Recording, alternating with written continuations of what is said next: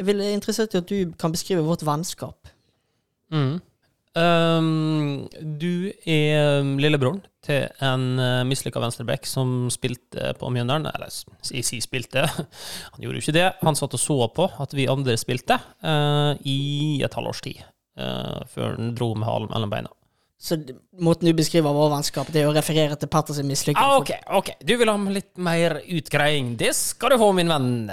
Min, min gode venn. Um, nei, altså Vi har en del felles interesser. Uh, reiser. Fotball. Uh, harselering med andre som er mindre vellykka enn oss sjøl. Um, og det er vel det, stort sett det. Eh, dette er et vennskap som har bygd på å finne feil ved eh, andre mennesker, og påpeke dem foran andre. Eh, det er vel ja, kort oppsummert.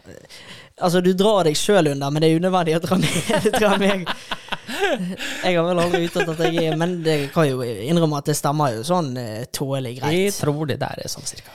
Utenom av at vi liker å dra andre ned, så kommer jo du med altså, ting som alle andre har som felles interesser. Fotball og reise. Det er jo vel Ja, men det som jeg tenker, og arrester meg gjerne hvis jeg er feil, min teori om vennskap trenger det å være så spesielt? Ok, men da, da foreslår jeg at vi bare setter i gang derfra. Det var veldig fine ord. Hvordan reagerer og agerer du på sniking i kø? Og det syns jeg er herlig. Hva jeg tenker om ordet streit? Det forbinder jo det med kjedelig, normal. Var det spørsmålet? ja. Gå nå fuckings to meter til, da. Får ikke stoppe rett etter en rulletrapp. Vi må få trommevirvel. Ja. Du er ingen streit person. Hvis du sier jeg er streit, da blir jeg forbanna. Du er streit.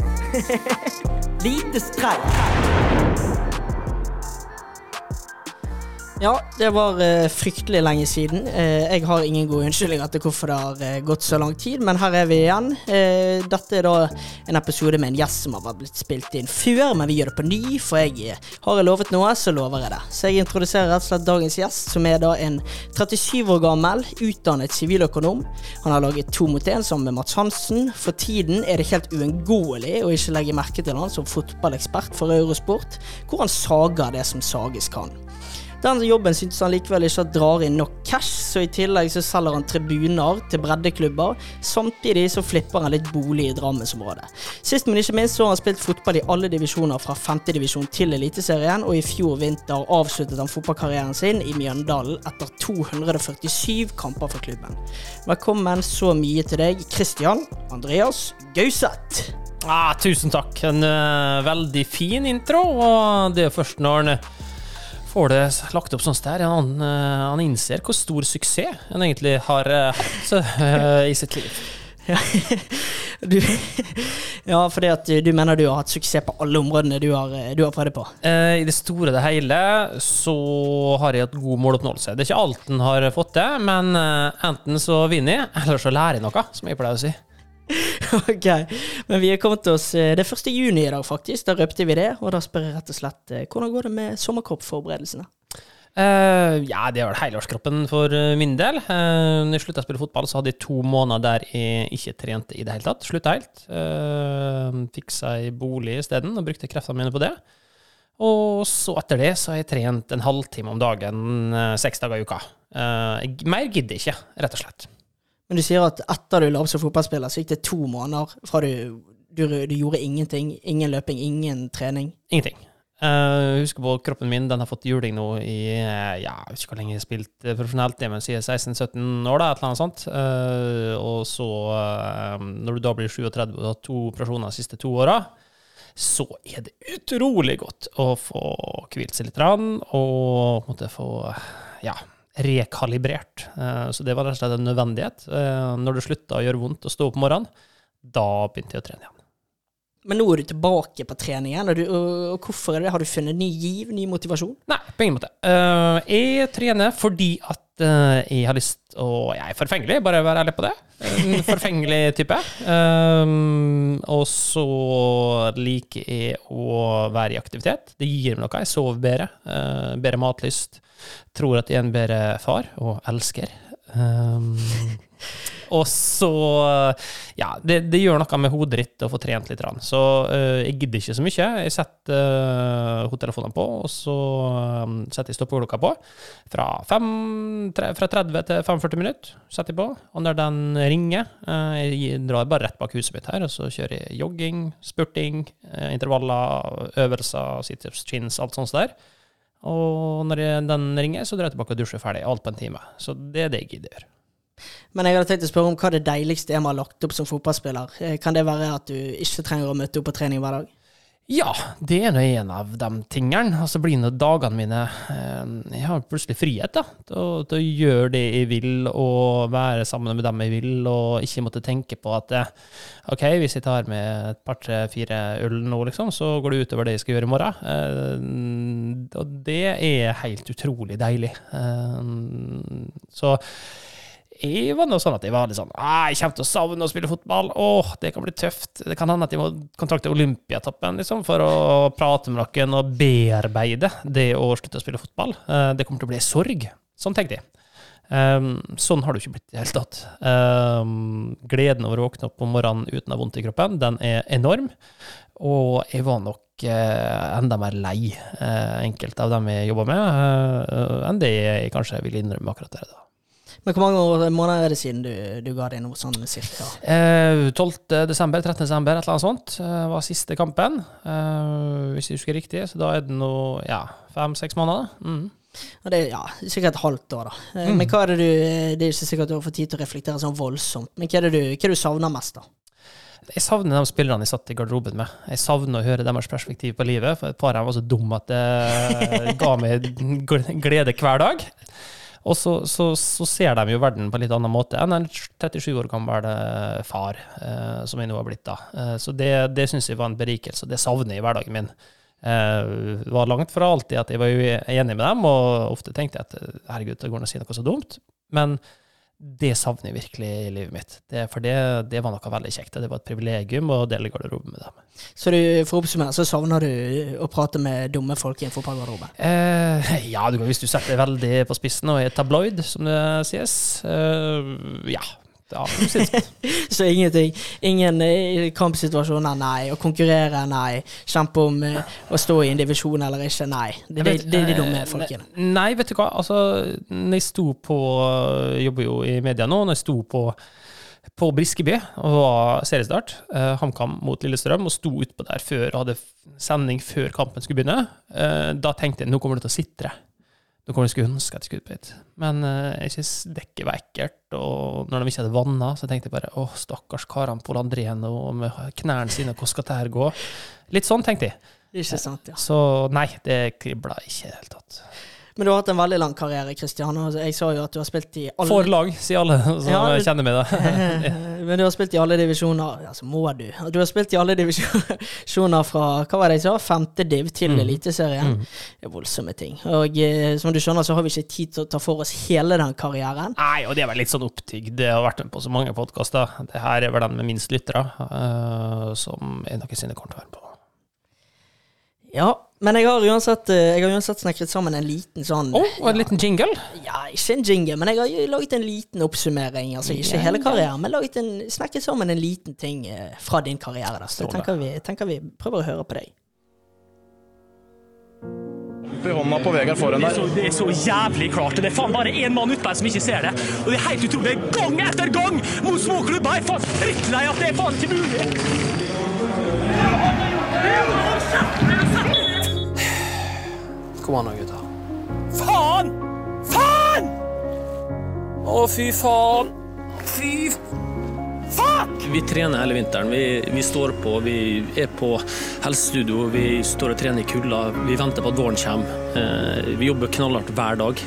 Og det er sånne øyeblikk. Det er sånne øyeblikk vi jobber for hele tida. Jeg håper dere er klar. Her smeller det, altså.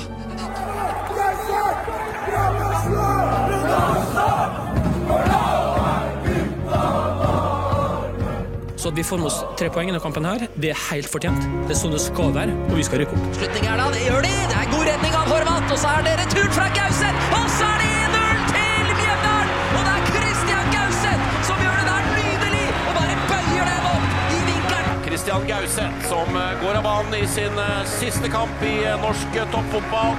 Mm, Det er vanskelig å slutte fotball. En er, en er så glad i dette spillet her, og så takknemlig for alt det har fått vært med på. Det har formet meg som menneske, og ja, det har vært hele livet mitt. Eh, Det har representert alt det beste i mitt liv.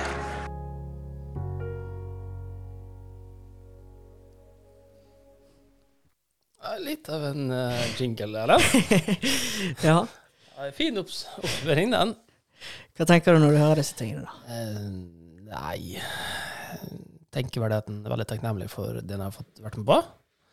Eh, og så innser en jo at det en har gjort, har betydd noe for folk. Eh, det er ikke alle i hele verden som er Mjøndalen-fans, men spesielt for dem eh, så eh, har den vært eh, veldig heldig som har fått representere dem på, på banen. Um, og så sitter jeg med god samvittighet, fordi at jeg vet at jeg alltid har gjort alt.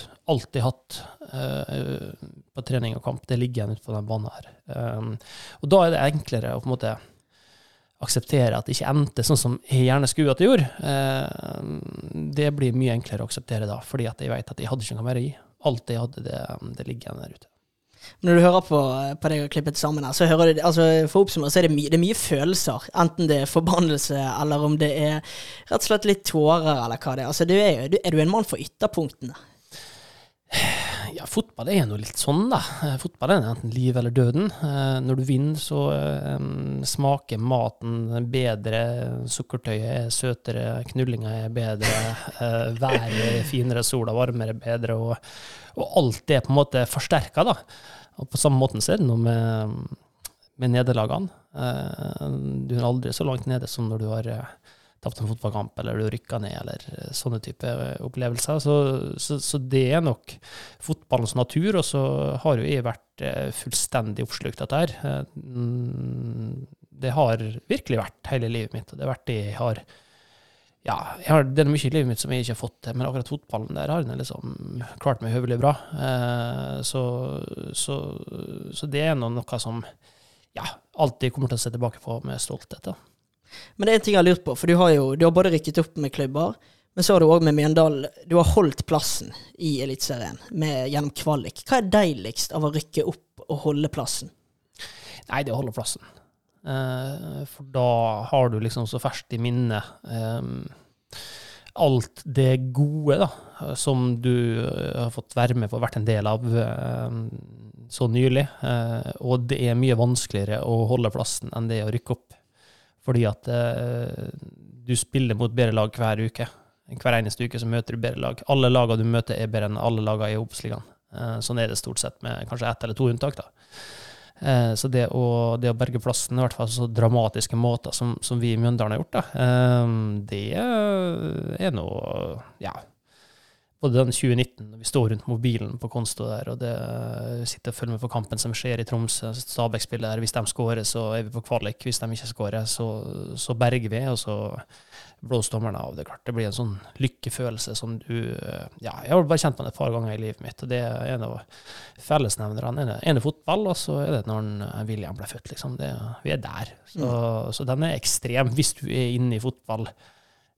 Sånn som jeg har vært der. Det er jo ikke, ikke alle som har et sånt forhold til det. For noen er det jo en jobb, og det tror jeg ikke nødvendigvis er noe ulempe. eh, At du, at du klarer å distansere deg litt. Men eh, for min del så har det vært vanskelig å skille på en måte fotballen og personligheten min. Det har vært eh, en og samme, egentlig.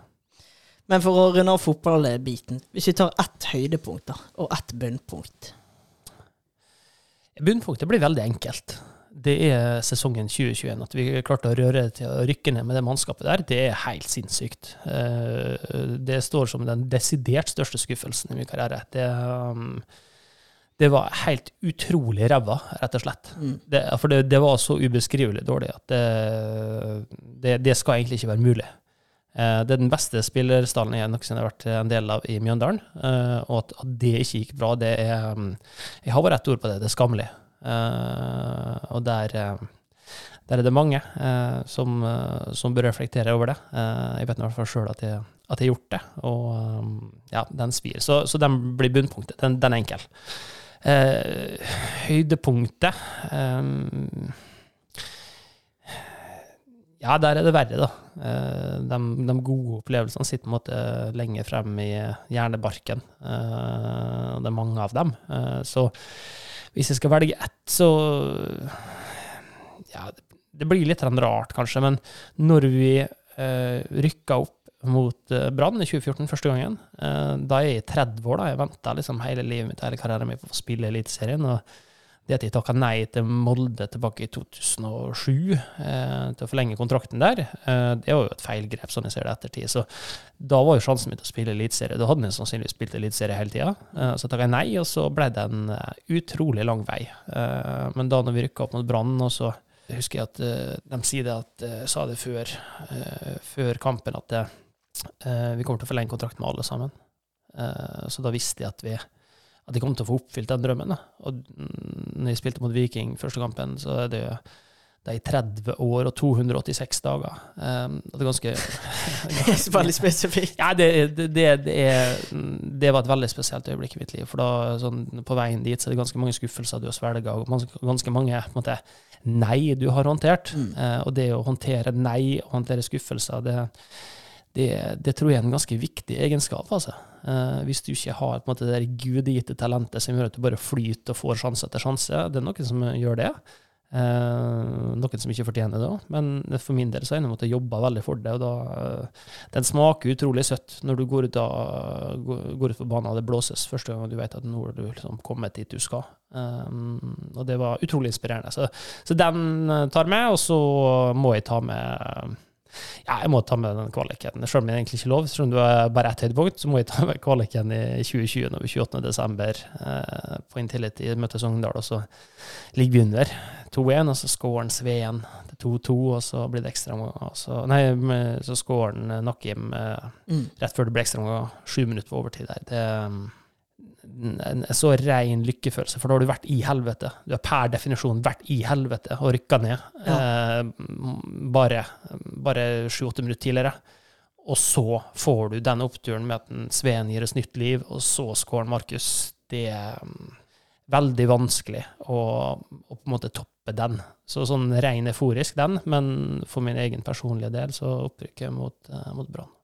Den kvalikkampen mot Sogndal kan faktisk være en god kandidat til eh, TV 2 har den der eh, Tidenes kamp-serien. Eh, jeg vet ikke om dere har sett den. Kanskje den kvalikkampen mot Sogndal kunne vært med der. Jeg vet ikke. Ja, jeg tror ikke det. Fordi at et- det som skjedde mot Jerv for Brann sin del, bare året etter, det er enda sjukere. Ja, Fordi at den er, den er så vill, det som skjer der. Så når du tror at vår liksom er sjukeste, det sjukeste noensinne, så er det bare året etter så skjer liksom Men, eh, men den er oppe der. Den er oppi der. Ok, men vi går videre, og så tenker jeg eh, begynner med å fortelle deg hva vi skal gjennom i dag. Eh, planen er ganske grei for de som i hvert fall følger med. Først har vi eh, spalten er vi på rød eller grønn bølge, basically. Så prater vi om hvordan det går om dagen. Så har jeg en del ting jeg lurer på, det fletter jeg innimellom. Eh, så skal vi ha en ny spalte, en fersk en. Den heter da så pent som Fuck it, Dramasterkaret. Eh, så har vi et par lytterspørsmål. Eh, vi har fått inn flere enn et par, det skal jeg innrømme det. Det å komme rett og flette inn. Så har vi gjesten rater seg selv, hvor du får seks kategorier og konkurrerer mot tidligere og fremtidige gjester. Og så da tar vi konklusjonen, hvor jeg da kommer til å bruke hele vår prat til å konkludere i om du er en streit person eller ei. Så har vi en med før i går, og that's it. Høres det greit ut? Ja, jeg har jo vært med på å spilt inn den podkasten her en Ja, gang før, så jeg veit jo hva vi skal gjennom. Ja. Uh, men det er klart, når det var tekniske problemer og den aldri ble publisert, så kan vi godt late som at dette er nytt for meg. Så ja, det høres bra ut. Ja. La oss kjøre. Ja, det høres veldig fint ut. Hvordan går det med badkar? La meg si det slik. Rakk ølsalget med ti sekunder i sted. Ja, hvordan går det nå igjen? Nei, skjøt over katten min i sted, da, så Er vi på rød eller grønn? Ok, Kristian, jeg spør enkelt og greit eh, hvordan det går om dagen. Jeg regner med du sa surfet før, det kan jeg ikke se for meg at du har koordinasjon til, men eh, du kan jo svare utenom den eh, metaforiske eh, praten delen der. Så eh, fortell meg, Kristian, hvordan har han det om dagen? Og da må du være ærlig, det, det forlanger jeg. Så, så fortell litt om hverdagen til Kristian. Hvordan går det? Um, en ekstrem lykkefølelse. Uh, helt, helt ekstrem. Det å få en Nå høres dette ut som en sånn reklame for barn, Mm. men det å få en sønn, eh, og det å kunne hente han i barnehagen gå bort dit og på en måte bare nesten småjogge for glede med sånn til henten. Eh, det er en sånn ekstrem lykkefølelse. Så det er fordi jeg opplever alle hverdagene. I helga er det litt nedtur, da. Da er jo hjemme. Eh, fint om du ler litt er. Eh, men, men det å få oppleve det i hverdagen, det er stort. Så veldig lykkefølelse. Så hvis du kunne valgt, hadde du fått barnehager som er åpne i helger òg? Eh, hadde vært greit å ha det til det, men eh, det er jo kjekt å ha det hjemme da. Ok, Men utenom at eh, du er blitt far og at du har en sønn, da. eh, hvordan går det ellers? U utover det? Eh, nei, jeg har en eh, jobb som jeg er veldig glad i, og som jeg føler meg heldig som har. Den har blitt artigere enn jeg trodde, for det er så mange som ikke har peiling. og da når jeg kommer og forteller dem hvordan ting er, så er det mange som lar seg irritere over det. Eh, det har overraska meg litt, fordi at eh, jeg ser nå alle kampene i Eliteserien hvert sekund av ligaen. Og da mener jeg at jeg har det kombinert med lang spillererfaring både i Obos-ligaen og i Eliteserien, har et veldig godt utgangspunkt for å fortelle hvordan ting er. Eh, og jeg er rettferdig, men likevel. Mange lar seg provosere, og det er artig, det må jeg si. Det syns jeg er veldig kjekt. Men her må du forklare litt for meg. For nå, eh, nå er du fotballekspert eh, i, i Eurosport i, i årets eliteseriesesong. Men i 24.11.2020 så står det i Dagbladet Christian Gauseth vil trekke seg ut av rampelyset. Hvorfor er det da noe å se som fotballekspert?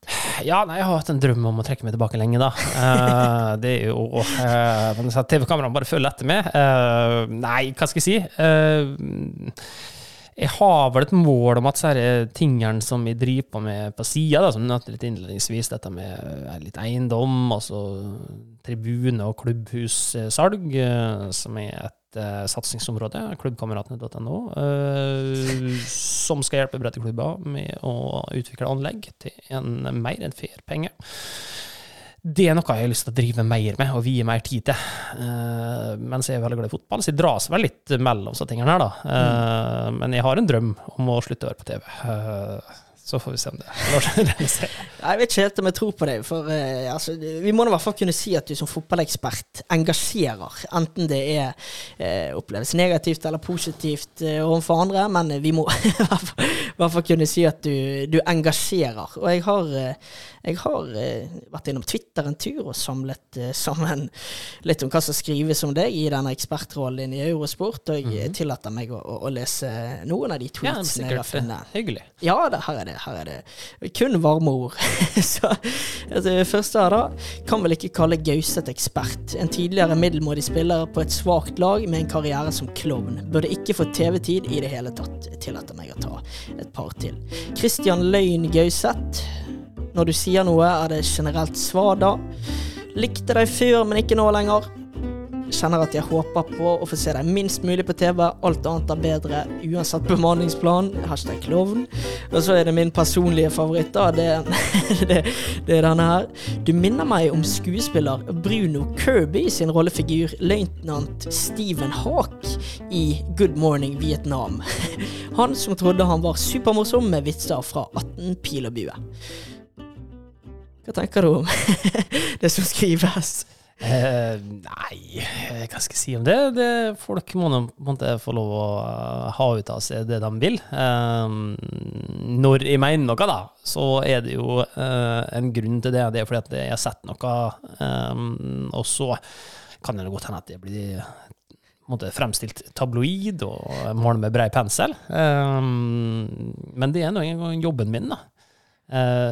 Og sånne tilbakemeldinger som dette, det ja, er vel ganske teflon på det. Eh, har du god trening i å få det, fått det i veldig mange år, så, så det bryr jeg meg rett og slett ikke om, da. Eh, men jeg vet at de rundt meg, dem eh, bryr seg om det. Far min bryr seg om det, og sånt der. Så det kan jo være litt kjipt, men samtidig så har han nå måtte, vært rundt det greiene her såpass lenge at han, han vet det at jeg gjør forberedelsene mine. Eh, jeg leser meg opp, jeg ser alle kampene. Eh, så når jeg sier noe, så, så er det noe, som regel noe i det. nå. Er du av og til inne og leser sjøl på hva som blir skrevet om deg? Nei, det er jeg ikke. Eh, og det er den grunnen til. Fordi at jeg, jeg tror på min strategi, jeg tror på min arbeidsmetode. Og det er klart, hvis fotballfolk, altså hvis en trener hadde ringt meg og sagt at du, vil prøve å gjøre det her og sånn og sånn, og så sier du at det ikke stemmer, da er det en samtale jeg gjerne tar. Um, og så kan vi være enig eller uenig i det, uh, men, men da, da, kan du få en fruktbar diskusjon. Men hva på en måte sånn kommentarfeltkrigere, spesielt sånne anonyme kontoer, driver og skriver, det kommer ikke til å tillegge noe vekt. Uh, de tingene jeg sier, de er velbegrunna, uh, og de kommer fra et sted. og det er ikke på en måte, sånn som mange tror, at det bitterhet, eller at de har en agenda, eller noe sånt. Det kommer fra at de har sett kampene. det kommer av at de har sett tendenser. Og eh, når jeg da i tillegg legger det sammen med statistikk, så, så stoler de ganske hardt på, på det jeg mener. Men din jobb er jo å engasjere. altså Din jobb er jo å få han som sitter hjemme i sofaen og følger sitt lag. Du skal jo få han enten til å bli eh, irritert eller glad eller hva det måtte være. Tror du folk eh, noen misforstår hva som faktisk er jobben din? Det kan godt hende at de gjør. Eh, og så er jeg noe veldig privilegert. Jeg får jobbe med eh, følelseslivet til folk, for det er nå det fotballen er. Eh, det er ikke så mange av oss som, som går i kirka lenger, eh, men vi drar på stadion og vi ser fotball på TV, og vi mener noe om det, og det er noe vi liksom, som ligger hjertet vårt nært. Eh, og når jeg da driver og pirker i det, spesielt i tida der det er motgang, så er det, er det nok ikke godt, det. For da er det som regel et sår med en rur på. Når jeg da kommer og river litt igjen, så, så er det klart det smerter, det. Men jeg er rettferdig. Jeg, jeg ta, har ikke noe agenda, jeg har ikke noe som noen jeg ønsker å ta, eller noe sånt der. Jeg, jeg, tar det jeg ser, eh, og så vrir jeg det til på en måte som jeg syns passer. Men eh, det er Det kommer fra et velbegrunna sted, så det er ingen problem å stå for det. Men kan du ha forståelse for at du av og til fremstår provoserende? Jo da, Uh, det kan jeg jo. Uh, og det er nå mange i mitt yrke som er opptatt av å skaffe seg venner. Uh, og tenke på jobben videre og ditt og datten mm. og sånt, det er ikke min bekymring. Jeg er uavhengig og ofte kontrær i, i meningene mine. og det, det er nå der jeg er, da. Så som det er provoserende eller ikke, det tenker jeg ikke mye på, men det kan det sikkert være. og kanskje en del av jobben min å provosere litt òg. det er nå uansett å få fram poengene mine som, og meningene mine som, som er jobben. da. Jeg kan jo røpe så mye som at uh, jeg finner jo litt underholdning i dette. Da. Så av og til hvis jeg um, Jeg tror ikke du er aleine om. Uh, jeg har flere andre som jeg kjenner som uh, er inne og, inne og, søker på Twitter og på andre steder. Så, så, det har nok kokt greit der eh, foreløpig. Men får du kritikk og meldinger sånn på, på, egen innboks på Instagram og på meldinger? Oh, ja, ja, ja, ja, ja, ja. Det er både på SMS og til og med på mail eh, og Instagram og på Facebook og i det hele tatt, så får jeg, eh, får jeg mye. Eh, men som sagt, i tillegg det er samme vekt som, som, alt det andre. Jeg har en strategi og en arbeidsmetodikk som, som jeg tror veldig på. Og så hører jeg gjerne på fagfolk og diskuterer med dem, men jeg tar ikke imot Kreti og Pleti sine anonyme drittkasting. Nei, nei, det får ikke være en del av mitt beslutningsgrunnlag det er sikkert fornuftig. Men eh, du har en lang TV-karriere, og dette er jo Ja, du har gjort masse Mats Hansen og To mot én, og så var det mm, Hva var det i Klubbhuset? I, på, ja. Og, Klubbhuset, ja. ja. Og så begynte det vel med dette Facebook-programmet. Hva var det da? Dommer, Dommer Ekstra? Ja, ja, ja. Men sånn, det å, det å være på ruten og det å være på skjerm, er det en drøm du alltid har hatt? Eh, ikke nødvendigvis, men jeg syns jo at de tingene som er gjort er ting jeg kan stå inne for, da. Eh, kanskje med unntak av når vi tok folk på ballene eh, med Tomote-mesterskapet. Eh, det var ikke helt bra, men det var Morten Ramm sin idé og hans sin feil. Eh, så den eh, er vel på en måte den eneste skampletten som jeg føler. Eh, ellers så syns jeg vi har gjort veldig mye artig. Mm. Mats, en helt fantastisk dyktig type som på en måte hele verden har oppdaga etterpå. Mm. Eh, så føler jeg meg heldig og glad for å ha fått, fått jobba i hop med han og skapt noe som vi begge er fornøyd med. Ikke sant. Og da tenker jeg det blir passende å ta dagens første lytterspørsmål.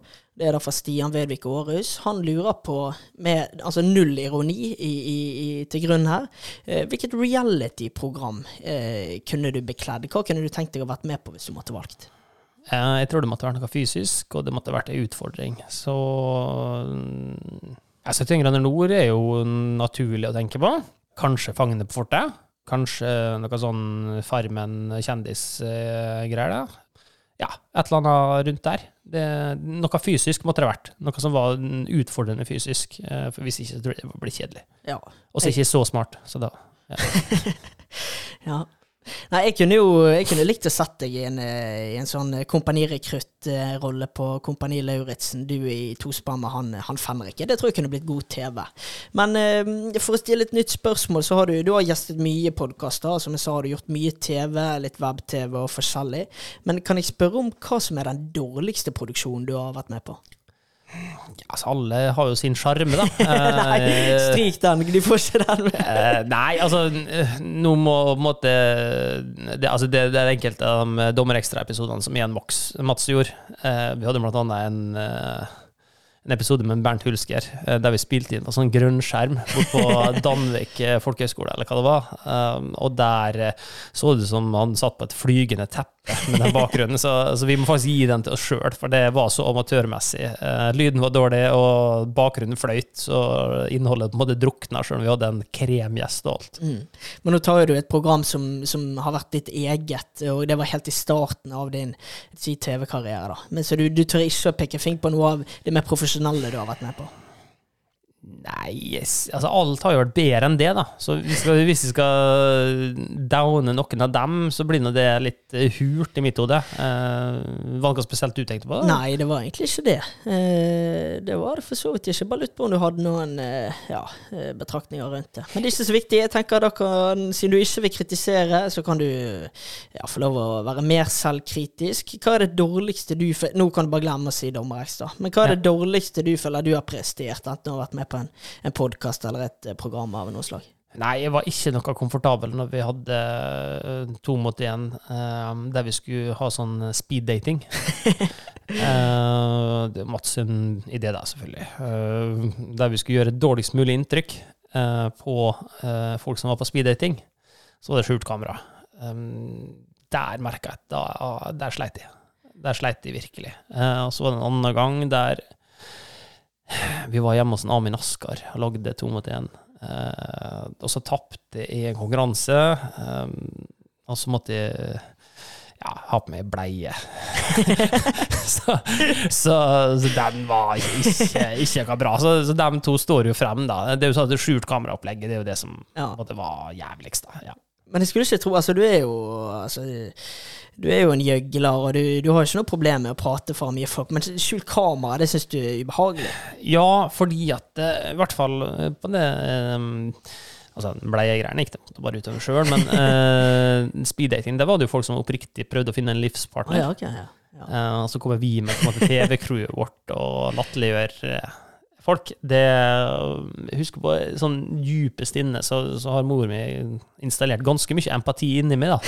Selv om det sikkert ikke virker sånn alltid, så, så ligger det der. Eh, og, og der fikk jeg virkelig kjenne på det. Så det var ekkelt. Så media, fotballkarriere, noe litt entreprenørskap, det er mye greier her. Altså. Er, du, er du en arbeidsnarkoman? Mm, jeg har arbeidsglede i stort sett alt jeg gjør, om det er fysisk arbeid eller Jeg tror det narkomaner finner glede i narkotika. Ja, nei, det kan godt hende, det. Uh, men, men jeg syns det å på en måte Den balansen mellom å jobbe og hvile, det syns jeg er veldig interessant. Så uh, det ene kan ikke fungere uten det andre. Uh, man må yte før jeg klarer å nyte, rett og slett. Så det er sikkert litt sånn kristen oppdragelse som ligger i bunnen for det. Og så er den blitt en del av personligheten min, tankemåten. Så hvordan finner du overskudd til alt dette da? Eh, nei, det er den balansen, da. Eh, det at jeg har begynt å trene igjen, er viktig for meg. Eh, at jeg føler at jeg er på vei et sted, på en måte både eh, sånn rent fysisk eh, og, og økonomisk. eh, og at jeg føler at jeg tar vare på dem rundt meg. Viktig alt sammen. Eh, og da kommer overskuddet av seg sjøl, egentlig, eh, oppi her. Uh, ikke gap over for mye, men jeg tenker at jeg gjør litt hver dag, og litt hver dag som bringer meg nærmere dit jeg ønsker å komme. Og det er noe liksom, litt sånn økonomisk uavhengighet, det er jo det jeg tenker på. da. Ja. Nå balan- blir vi veldig seriøse. Er for Ja, seriøs nå? Er det kjedelig å høre på? Nei, ja, ja, nei, det er ikke opp til meg å bedømme. Eller jeg skal gjøre det senere, men, men uansett. eh, Men altså, denne balansen ja, du prater om, hvordan, hvis du, hvis du skal velge, da, hvordan liker du best å koble av? da? Um, for eksempel hvis eh, Altså mm, er jo litt sånn tvangstanke oppi der. Det er ikke helt bra å prate om det, kanskje, men uh, ja, det er et stigma vi kan fjerne litt. Eh, nei, når innboksen min er tom, da, for eksempel. Eh, det er en lykkefølelse for meg. Ja. Når regnskapet er ført, og momsen er betalt, og eh, alt er svart ut, og ikke noen avtaler som ikke er eh, i uorden, da får jeg ei ro. Og hvis jeg da i tillegg klarer å ha det rent ordentlig rundt meg, robotstøvsugeren satt på, eh, oppvaskmaskinen rydda ut av, eh, tørketrommelen eh, lagt sammen tøy og lagt inn i skapet, alt er i orden rundt meg, eh, dem rundt meg er både mett og har det bra. Eh, jeg har hatt meg ei økt, eh, og da kunne jeg sige ned i sofaen med ei iskald øl, sånn at idet jeg griper rundt øla, så gjør det sånn, nesten litt vondt i eh, hendene fordi den er så kald. Eh, Det er lykkefølelse for meg. Men nå, nå prater du egentlig om litt sånn små gleder i hverdagen. Ja ja, men for meg så er det det som er livet, da. Altså, mange har sånn veldig sånn Instagram-greier, at du må være på den yachten i Middelhavet og være med hos supermodellen og sånt for at det skal være bra. Eh, Jeg er ikke der. Eh, Jeg har Skal ikke liksom si et mindfulness og sånt, der, for det høres litt sånn 60 år gammel kjerring ut. Men, men, men dette med på en måte å finne glede i de små tingene, sånn som jeg sa i sted, da. gå til barnehagen og hente en William. Helt Ja. konge. Eh, Komme hjem, og så har Marie laga mat. Det står mat klart på eh, hvit duk hjemme. Nydelig. Eh, treningsøkt. Så er kald øl i, eh, i sola på verandaen eh, på slutten av dagen. Helt, helt nydelig. Gå rundt og vanne plantene. Eh, ja, nå høres jeg 60 år ut. Jeg er 60 år. Gå rundt og vanne plantene etter en varm sommerdag der de på en måte har stått i sola hele tida, så får de eh, litt grann, ja, litt eh, vann på seg. Eh, det er noe sånn zen-øyeblikk som jeg kjenner på. Da kjenner jeg at jeg er i balanse, at jeg har det bra. Så øh, jeg er nok øh, Jeg må bare innrømme, jeg er blitt mindre kul etter at jeg ble far. Spesielt de siste to-tre åra, så merker jeg at jeg ikke er så kul lenger. Eh, men noe av det er deilig òg, at jeg merker at det er greit. Men hvis du skal være litt kulere, da, og du skal koble av, du har et par dager, hva gjør du? du, har, du timeplanen er helt ryddet, du har to dager. Du skal okay. koble av. Uh, hvis jeg er ekstremt kul, så øh, har jeg kanskje ordna barnepass til en William. Ja, nei, Da tar jeg med meg Marie, og så flyr vi ned til Ibiza. Og så legger vi oss på en beachclub og smører hverandre inn med olje og, og koser oss på et fetthotell. Et eller annet sånt. Ja. Ikke sant, ja. Nei, men da blir det passende å ta eh, enda et lytterspørsmål. Det henger egentlig veldig eh, godt sammen med det vi har pratet om eh, til nå òg. Og da lurer Sondre Martinsen på hvor mange du har ligget med. Ja, Det er litt rart at Sondre Martinsen øh, spør om det. Det vet han jo. Eh, hva tenker du på? Nei, dette har vi prata om i svarten. Har du det? Ja. Men lytterne har kjørt det? Nei, lytterne har kjørt det. Nei. Får de vite det? Nei, det. Nei, ok. Da tar vi enda et fra Mathias Fredriksen. Eh, han spør om du noen gang har vært ordentlig flau, og eh, så har han lagt ved en tomat-emoji. Ok, han stygge lille dritten der, han skal bare holde kjeften sin. Eh, for det at eh, er det en som er i bunnløs takknemlighetsgjeld til meg, så er det Mathias Fredriksen. Så han trenger ikke dra opp den der episoden fra Jerv-garderoben. Det var ikke 2016. Det har ingenting med det å gjøre. Men hvis du skal fortelle litt fra den historien, hva er det som skjer? Så vidt jeg vet, så får du et eh, Du styrer musikken på den høyttaleren som står i garderoben, og så får du et anrop. eh, Ja, det der er Altså, det er ikke Jeg kan godt fortelle, men det er ikke en spesiell artig historie eller en spesiell flau historie. Nei, ingen. Eh, men jeg kan likevel bare si at det har blitt ønska, da. Jeg styrer musikken i garderoben. Det er rett før vi skal gå ut. Vi spiller den siste sangen. Alle er liksom veldig hyped up! Eh, klart å gå ut og knuse til. Eh, høstkamp, det her, flomlys og litt sånt der. Eh, og så ringer det eh, på min telefon. Eh, og da eh, skal, Vegard står foran meg klar til liksom tale. Sånn faen, så- sånn der. Og jeg er ganske kjapt ned da, på telefonen min. Jeg tror at jeg har avvist anropet. Eh, det er ikke jeg. Jeg aksepterte. Og da er det han Håvard Nome, jeg spilte med i Alta, som ringer, da. Eh, For han hadde jo aldri noe formål når han drev og ringte. Så da var det sånn Hallo! Hallo! Kommer utover høyttaleranlegget. Eh, og da mener han Mathias og Michael Stilsen, som er det opphavet til den historien, at jeg ble rød som en tomat. Jeg mener sjøl at jeg håndterte det veldig fint, men det kan hende at Jeg, jeg ser jo ikke meg sjøl utafra. Det- Jeg syns historien er fin, for jeg har aldri sett det liksom flau og, og, i, i den settingen. Altså, den, jeg, jeg priser jo den historien, og at den, eh, og at den eksisterer. Men da går vi til eh, en ny spalte. Jeg blåser i hva du bruker pengene på. Fuck it, jeg drar mastercardet. Det vi rett og slett skal gjennom her, det er kjøp og kast-samfunnet som vi lever i. Eh, Vi skal ha ditt dyreste kjøp, ditt dummeste kjøp, ditt diggeste kjøp, og til slutt ditt smarteste kjøp. Dyreste kjøp? Nei, det må nå være noe hus, da. Eh, Det huset som vi sitter i nå, blir nå fort det dyreste. Ja, det er ikke så fryktelig interessant. Det dummeste, da. Dummeste. Eh, der eh, må det nå bli et eller annet sånt eh, klesplaggopplegg. Jeg kjøpte ei kortmappe fra Mont Blanc. Um, jeg vaska, jeg kasta på vask en shorts, og der oppe lå den kortmappa mi som jeg var veldig glad i. Nå høres jeg veldig sånn uh, Oslo Liftutleie-fyren ut, da. For det var Louis Vuitton, uh, den kortmappa. Uh, og den var så svindyr. Jeg tror den kosta 3500, et eller annet sånt. Eh, og der var det inngravert CAG. Nei. Nei. Eh, og den var jeg så glad i. Den funka så sinnssykt bra, og den ble jo slitt. Det var skinn, så den ble bare finere og finere. Og den klarte jeg å vaske, da. Uh, og da tenkte jeg nei, jeg kan faen ikke bruke 3500 på en ny ei. Så da kjøpte jeg fra Montblanc, som kosta sånn Si at den kosta 1500, et eller annet sånt. Uh, ganske flott den òg, egentlig skulle være, men den funka jo ikke overhodet. Eh, og så dro jeg ned på skredderen og skulle få innprenta CAG da, på den. Hører nå omtrent forfengelighetsnivået her, da. Um, og det gjorde den, da. Bare at den satt bokstavene skeivt. han skulle betalt for det, snekkeren. Nei, han skredderen. jeg betalte han 400 kroner eller hva det var for det. da. Så da gikk det to uker, og så uh, kasta jeg den der. uh, der. Så krøp jeg til korset og kjøpte den nye fra Vuitton. så, så den må nok være det dummeste, ja. Er det nye og inngravert uh, initialer Ja, på? og den har jeg enda. Den er enda ikke hevet i, uh, i vaskemaskinen.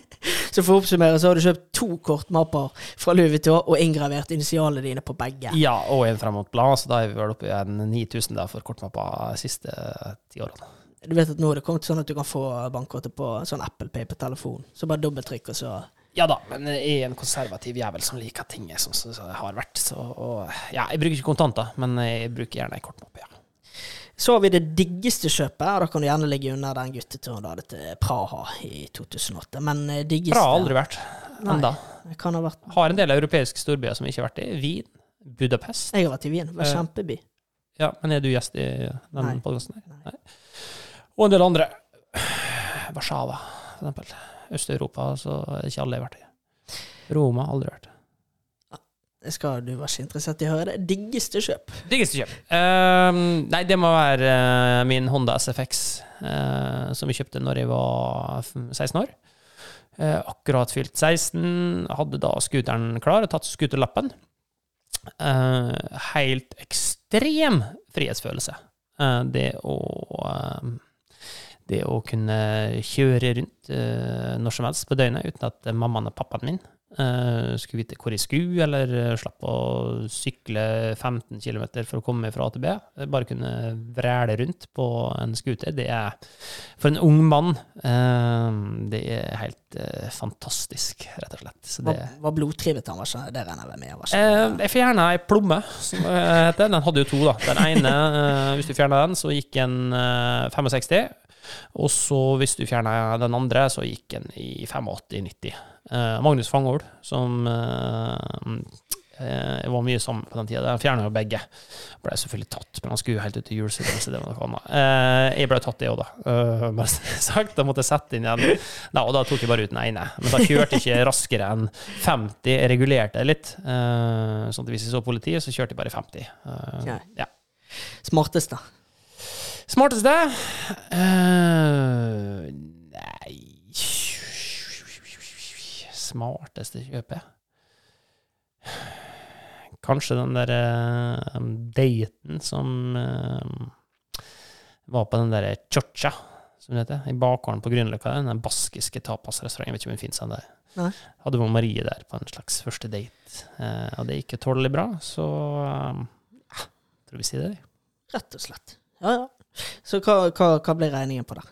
Og, Den Um, pff, det er jo ikke Jeg må, må late som det er veldig dyrt. Uh, nei, si at det var et par tusen. ja. Vi går videre på noen lytterspørsmål, og vi har fått inn, vi har fått inn flere. Spør om det sykeste, merkeligste han har opplevd i en fotballgarderobe, fra Pål Mildestveit. Ehm, ja, det vet ikke en fotballgarderobe eller ikke. Tell, ja, å, det var sjukt, ja. Uh, ja, det var sjukt. Nei, jeg har vært uh, vitne til uh, at uh, det ble chippa inn eh, beløp. Um, Chippe, hva, hva alle, alle la inn penger da, i potten for å få én spiller til å vaske kuken til en annen. um, det var når vi spilte bort etter eh, vi spilte borte mot Fredrikstad. Eh, og den scenen der inne i dusjen, når alle står der og vedkommende vasker kukken til noen andre, eh, med alle trenerapparatet borte, og alle står der høyflirte, og musikken dundrer, det er ganske sjukt og artig. For da, men, men var det da en eh, du spilte på lag med som sa ok, hvis jeg får så og så mye, så vasker jeg utstyret til Eh, jeg tror vedkommende argumenterte med at eh, han hadde en distanse fra alt sånt. Det kosta han ingenting å liksom gjøre flaue ting med andre, sånn, for han var så trygg på seg sjøl og sånt. Og da sa han det at eh, ja, ingen problem, jeg kunne vaska kuken din, for eksempel, hvis jeg hadde fått et par tusen. og da sto jeg ved siden av og sa hva du sa nå? Vaske kuken hans for et par tusen? Det mente helt seriøst. Så jeg, nei, men greit. Og da gikk jeg ut i garderoben. Hei, gutta! Jeg trenger 2000.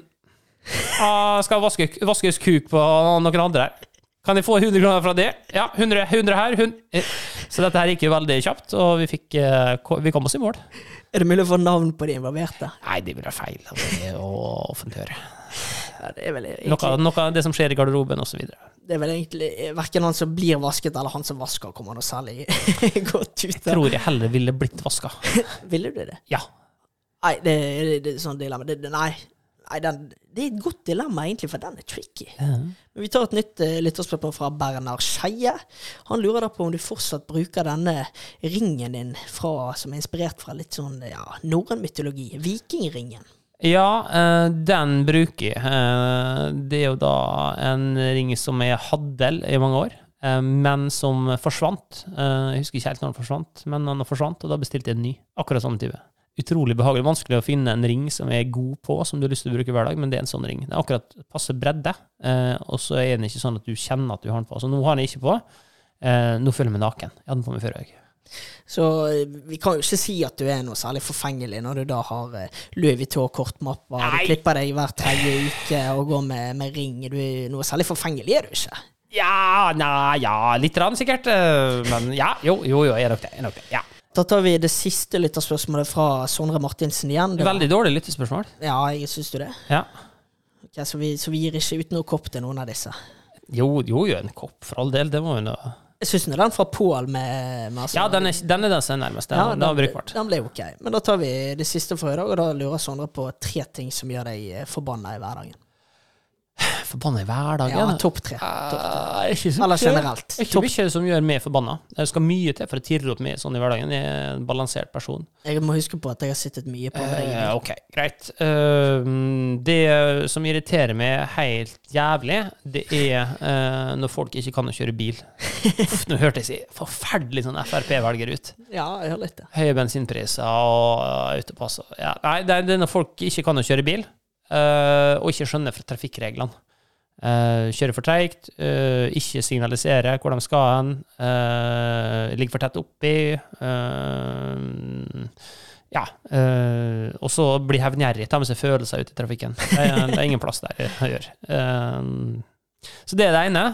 Eh, det andre Vanskelig skal Som irriterer meg så jævlig, da. Det er jo nesten ingenting. Tre ting. Jeg kan, nå er ikke du gjest her, så du er totalt irrelevant. Uh, hva som irriterer meg? Ja, hvis jeg ikke får tid til å jobbe Jobbe er viktig for meg. Uh, hvis jeg ikke får tid til å gjøre noe av det som jeg skal, det, da får jeg ikke noen god følelse. Da, da er ikke kjekk å ha med å gjøre. Uh, så det hater jeg. Uh, og så hater jeg Putin. Hater jeg jævla. Han irriterer meg så satans. Uh, flere grunner til det er jo selvfølgelig først og fremst at den uh, har gått ulovlig invasjon av et land. Det, er- det er dritdårlig. uh, og all den menneskelige lidelsen det medfører. Men og fordi at uh, jeg skal bygge en garasje i stål, uh, og stålet det produseres i Ukraina. Da får ikke jeg gjort det. Så de tre. eh, det, blir, det blir sjåfører, eh, rett og slett, og Putin. Ja, når de ikke får jobbe. Når de ikke får jobbe. Grei oppsummering. Nei, men da går vi på Vi går rett og slett på gjesten rater seg selv, vi. Gjesten rater seg sjøl. Åh, jeg hater å skryte av meg sjøl. Ah, jeg liker egentlig bedre når andre forteller hva jeg er god til. Vet du hva, det driter i. Nå skryter du. Da er stillingen eh, Jeg har en følelse Ellen, på at jeg har vært veldig seriøs på den her, og det er din feil, for du laga en veldig sånn hjertevarmende sak innledningsvis. Så Mm. jeg tenkte, tenkte tenkt å være drituseriøs. Men nå har det ikke vært det. Nei, jeg syns det var ok. Kan hende vi må spille inn podden her på nytt. Ja, for tredje gang. Nei, det gidder jeg ikke. Men vi får, får se nå at eh, Vi får høre igjennom. vi får, får høre igjennom. Men nå skal du få lov du, nå skal du få mulighet til å gjøgle mye, og da tar vi da gjesten rater seg selv, hvor du konkurrerer mot tidligere og fremtidige gjester. Jeg kommer kun til å lese opp stillingen på de to som, som leder. Det er da Kikkan, han har 54 poeng, og så har Tuva Hansen 45 poeng. Tuva Hansen, hvem er det? I hver kategori så kan du få en poengsum fra 1 til 10. Eh, så det vil si at du kan få en maksimal poengsum på 60 poeng. Og da begynner vi med første kategori, festing. Nei, er ikke hvor voldsomt festlig, vi. Eh, ganske flink til å få i gang folk, da. Eh, utlevere drikkepress. Vil noen si at de er sterke. Eh, mange juniorer som har kommet i Mjøndalen som eh, har ligget kavende i grøft takket være min innsats. Eh, men ikke noe voldsomt på fest. Eh, åtte. Vi må høre litt om hvordan du jobber, altså når du skal engasjere folk. altså Hvilke metoder bruker du for å få folk i gang? Nei, jeg varmer opp folk først. Det er det viktigste. Jeg Det kan gjerne være litt sånn fysisk og si at eh, fy faen, godt å se deg. Du, nå var det lenge siden. Sånn kan jeg si. Mm. Sjøl om det ikke er så lenge siden, og sjøl om det egentlig ikke er så godt å se vedkommende. For at når du sier det her, så blir de sånn Ja, faen, det er kanskje en stund siden. Når var det? Ikke sant? Og så forteller de det. Altså, ja, det var litt av en kveld, eller det var artig, ja. Sånn der. Og da er folk i gang. Så den uh, bruker jeg ganske kynisk og rått. Så hvis jeg kommer til noen av dem som hører på podkasten og sier fy faen, nå var det lenge siden, det var godt å se deg, er ikke sikkert jeg mener. Men å ta på deg DJ-ansvar, for eksempel, er det- en rolle du kan bekle? Uovertruffen som DJ.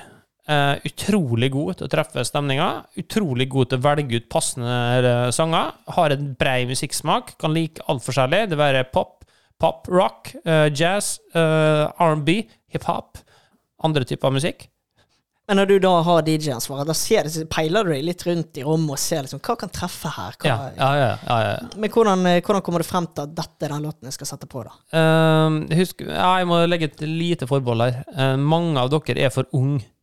Uh, så hvis det er for mange av dere, hvis det er hovedvekt av veldig unge folk, det vil da si under par og tjue, uh, da ønsker ikke jeg DJ-ansvaret. For da har vi ikke nok felles referanser til at min smak treffer.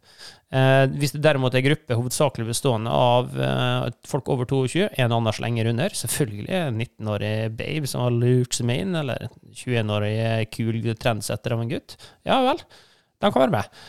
Da kommer de til å treffe. Siste spørsmål på fasting. Du skal sette på én låt, da. Du, skal, du DJ, eh, du, du kjenner ingen i rommet. Hvilken låt velger du? Pa-pa-pa, mm, kanskje en slags eh, remix av Backstreet Boys eh, i en annen form. Mm, Ja, det. det tror jeg kan eh, treffe bredt. Kategori nummer to. Her har du vært engasjert. Bilkjøring. Eh, hva skal han gå til? Ti, maks? ja. Ti. Jeg har helt utrolig god TF. TF. Herregud. Trafikal forståelse. altså, Ja, for, vet, for, vet ikke hva TF betyr. Da skjønner vi hvilket nivå det ligger på. for det, det, er den, det er en forkortelse samtlige tar. At hvis du kjører en poll blant lytterne dine, eh, der alternativ én er trafikal forståelse, så tror jeg mange trykker på det, ja. ja. Ok, Kategori nummer tre. Flørting. Oh, Du sa du eh, nevnte speeddate, da. Det var ikke noe særlig. Nei, det var ikke noe særlig der. Uh, men jeg vet ikke hva det er, men jeg har veldig veldig lett for å snakke med kvinner. Uh, sånn back in the day. Da, når Det jeg sa du var- på en veldig ekkel Uff, jeg gjorde det. Ja, men det er sant, vet du. Okay. Der ser du, du er mann. Sant? Ikke så god kommuniserende.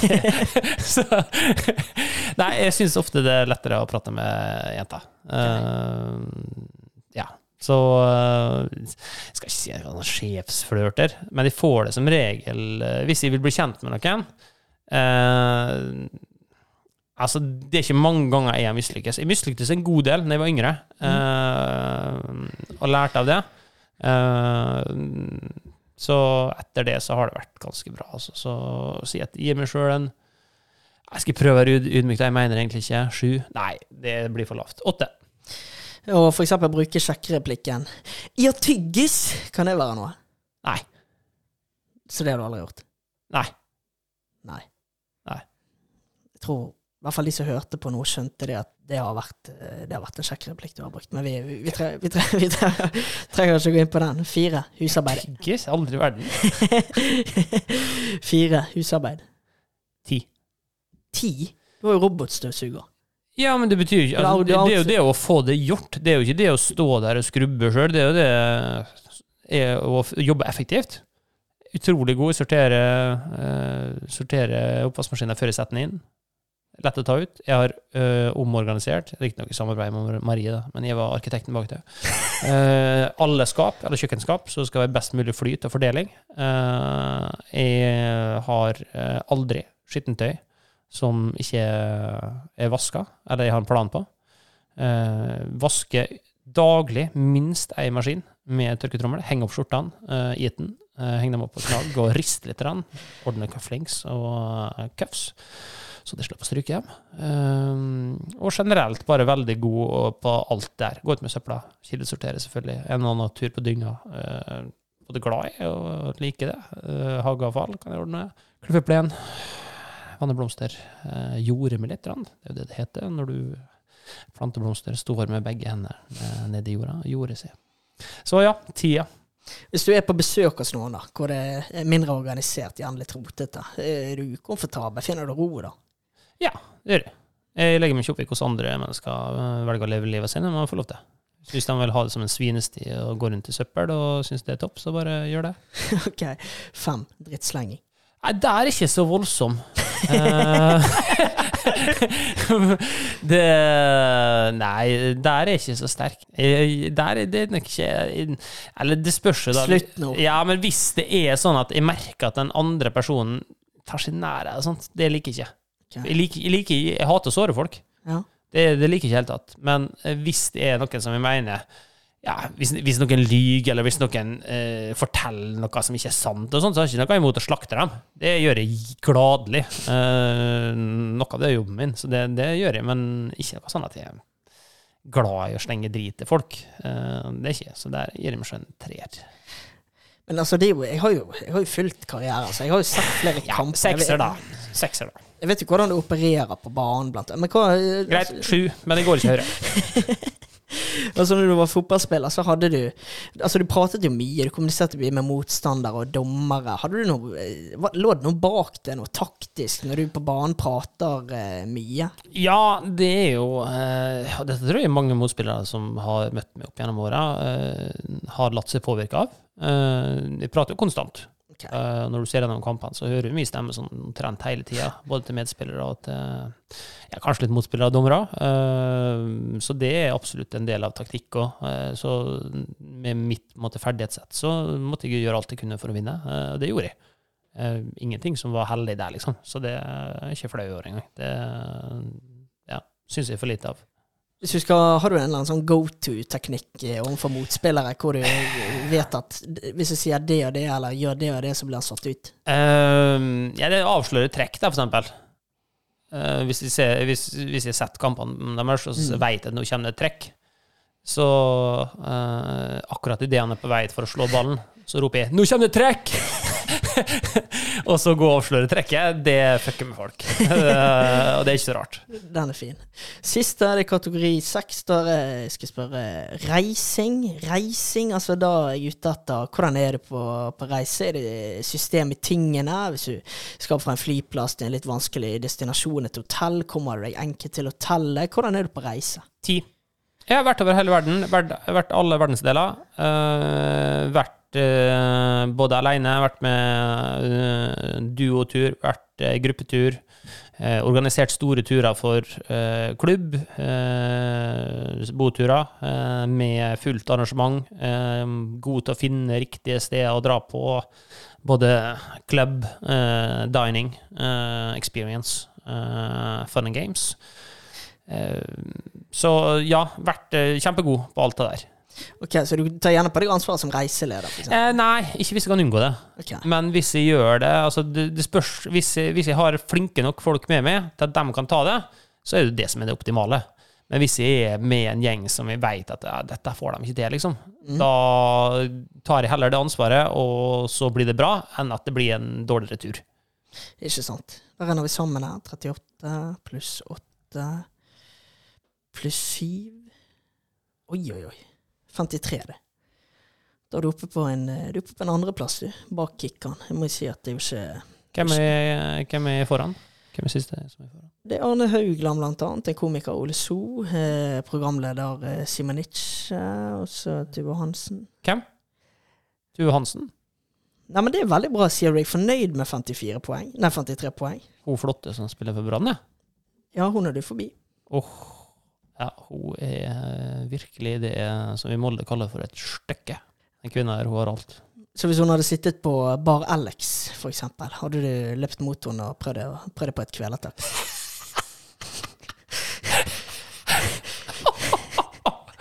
Her, her har det blitt eh, gravd dypt i historiebunken. Den der skal du ha for. det skal du ha for. Ja, nei, da ble jeg svar skyldig, gitt. Kan vi få høre om eh, Jeg vet jo det er en, det er en historie som, eh, som eksisterer fra, fra Bar Alex, dette utestedet som, som er sjeldent åpent i Molde. Men det er et veldig bra utested, og når det først er åpent, så, så trekker det folk. Eh, Du har vært innom med, med, med kamerater tidligere. Har du, har du en tilfeldig spørsmål? Har du en hendelse eller en situasjon Helt, derfra? helt kort så kan jeg forklare litt bakgrunnen her, da. Altså, vi var på et julebord, veldig god stemning, og så hadde en god kompis av meg, Eirik Toft, han hadde nettopp Det ble, det ble slutt med dama, eh, så han var ganske langt nede. Eh, Da flirte du, ja. Andre som er mislykka i forholdet sitt, det liker du. Eh, han, så han var veldig nedfor. Vi sitter på et bord, rett ved siden av siste en jentegjeng, og da blander de sammen han Eirik Toft med en som heter Eirik Haugan. Og han spiller jo på Molde nå. Jeg tror det var en Eirik Haugan, i hvert fall. Ja, det var i hvert fall en som heter Eirik. Eh, og da ble det eh, Og Eirik Haugan han har vært slem med venninna dem, eller et eller annet sånt, da. så de trodde at en Eirik Haugan var den som satt på bordet her. Eh, nå håper jeg veldig at det var en Eirik Haugan det var. Jeg er litt usikker. Ta lite forbehold på det. Ja, jeg skal gjøre det. men uansett. eh, så de driver på å hive litt sånn isbiter bortover på en Eirik. På din kamerat Ja, Eirik på Eirik Tøft. Så da uh, syns jeg det er så kult, og så går jeg bort og så prater med ham. Men hvor mange kastet de? Hvor mange bare kastet de én isbit? Nei, det var fire-fem isbiter, et eller annet sånt, og det var gjentagende og slang litt dritt der. Ok. Melding og sånt. Uh, hører hvor røft det er ute på byen Molde. Jeg bare advarer alle som Uansett, gå bort dit og si fra om at uh, på en ærbødig, høflig måte. Si at du gir faen i det her, ellers så Ja. Og så fortsetter de, Uh, så blir det lite pause. Og da begynner Eirik endelig å tø opp litt, da. Da har han kommet seg over til her og liksom OK, nå er drittkjerringa ferdig, og sånt, sånt, sånt der. Og så kommer det et par isbiter. Uh, og da er jo han rett ned i kjelleren igjen. Som jeg ikke syns er så kult. Eh, så da klyver jeg over det champagnebordet som vi har, sporenstreks bort til jentebordet og tar hun som jeg trodde uh, kasta isbiten.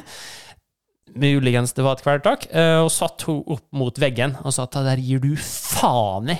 Nå er det nok. Eh, og så kommer jo vaktene eh, stormende til, eh, naturlig nok. det er ikke så vanlig kanskje å ta kvelertak, eh, i hvert fall voksne menn. For du tok, du tok kvelertak på han. Ja, ja jeg, var ikke, jeg var litt full og sur på det tidspunktet her. eh, og dette var før metoo. Ja. Uansett Og det ender jo opp med at, som naturlig er, da, at de blir kasta ut.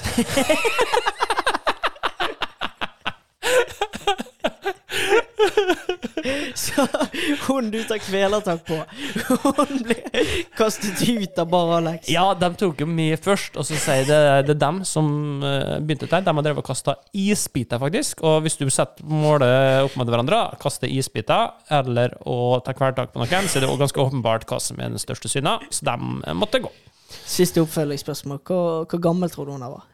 Jo godt voksen kvinne, jeg vet ikke hva de vanligvis er. Eh, Si 27-28 Minus 7 eller 8. Ja, det, ja, det er fint. Bare Alex hadde vært innom der etter eh. Eh, nei, altså jeg har hatt et par hendelser på byen i Molde som gjør at jeg har gitt meg sjøl karantene. Eh, min siste opptreden, det var ikke bra. Eh, da var det nede på Syd, eh, og gikk rundt og kava der. Det var blant annet Ei som heter for eh, Bodil Haugen og venninna hennes, Turin Malmøstrand, de satt og nøyt en sånn karaffel med vin eh, frem til jeg kom svømmende inn. Eh, første jeg gjorde, var å liksom Ja, Turin Malmøstrand, hvor har du vært hele livet mitt? Og kom til og kysse og greier. Og så snudde jeg meg mot bordet og kvelva ut eh, den karaffelen, så gikk i tusen knas. Og ja. Eh, og det er vel noe av det minst ille jeg gjorde den kvelden. Så etter det så ble det sjølpålagt karantene, og siden har det ikke vært noen skandaler. Eh, og det Ja, det føles bra, det, for en voksen mann, da. Det, og måtte Ja. Det sto et sånn, Etter jeg var ferdig, så sto et sånn wanted-skilt utenfor syn med bilder av meg. Ok.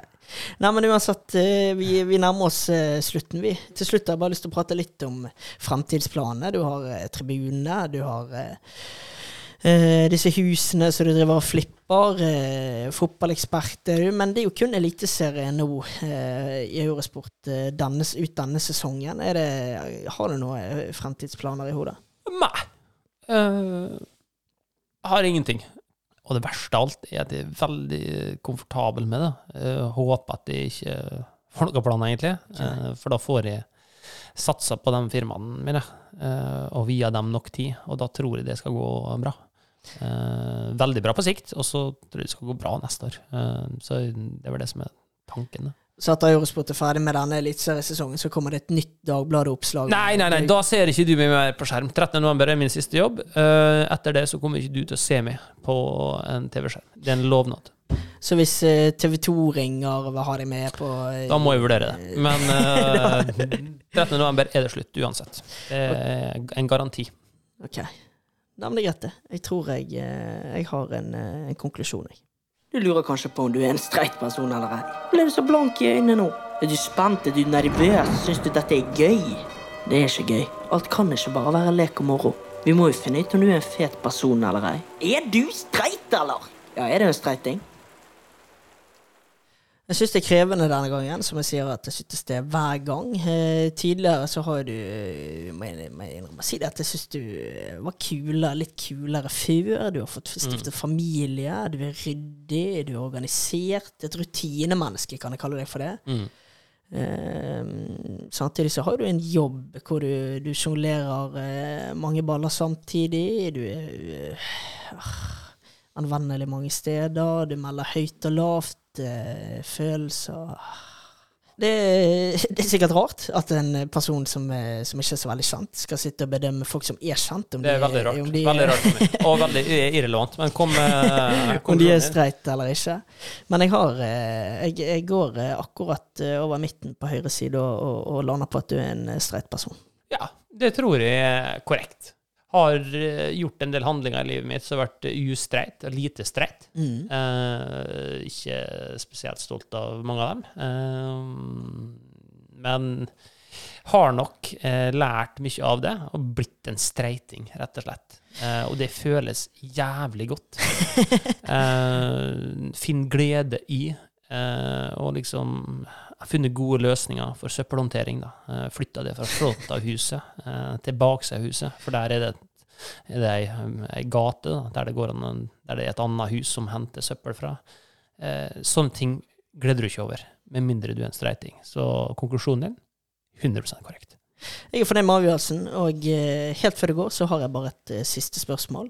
Men før det går, Kristian, hva tenker du om lagkamerater som kommer opp med dårlige unnskyldninger når det arrangeres lagfest? Det er det vondeste gjennom min karriere. Det såreste punktet. Eh, Du prøver å dra i gang folk, du prøver å bygge et lag, eh, et samhold, eh, en glede i fellesskapet.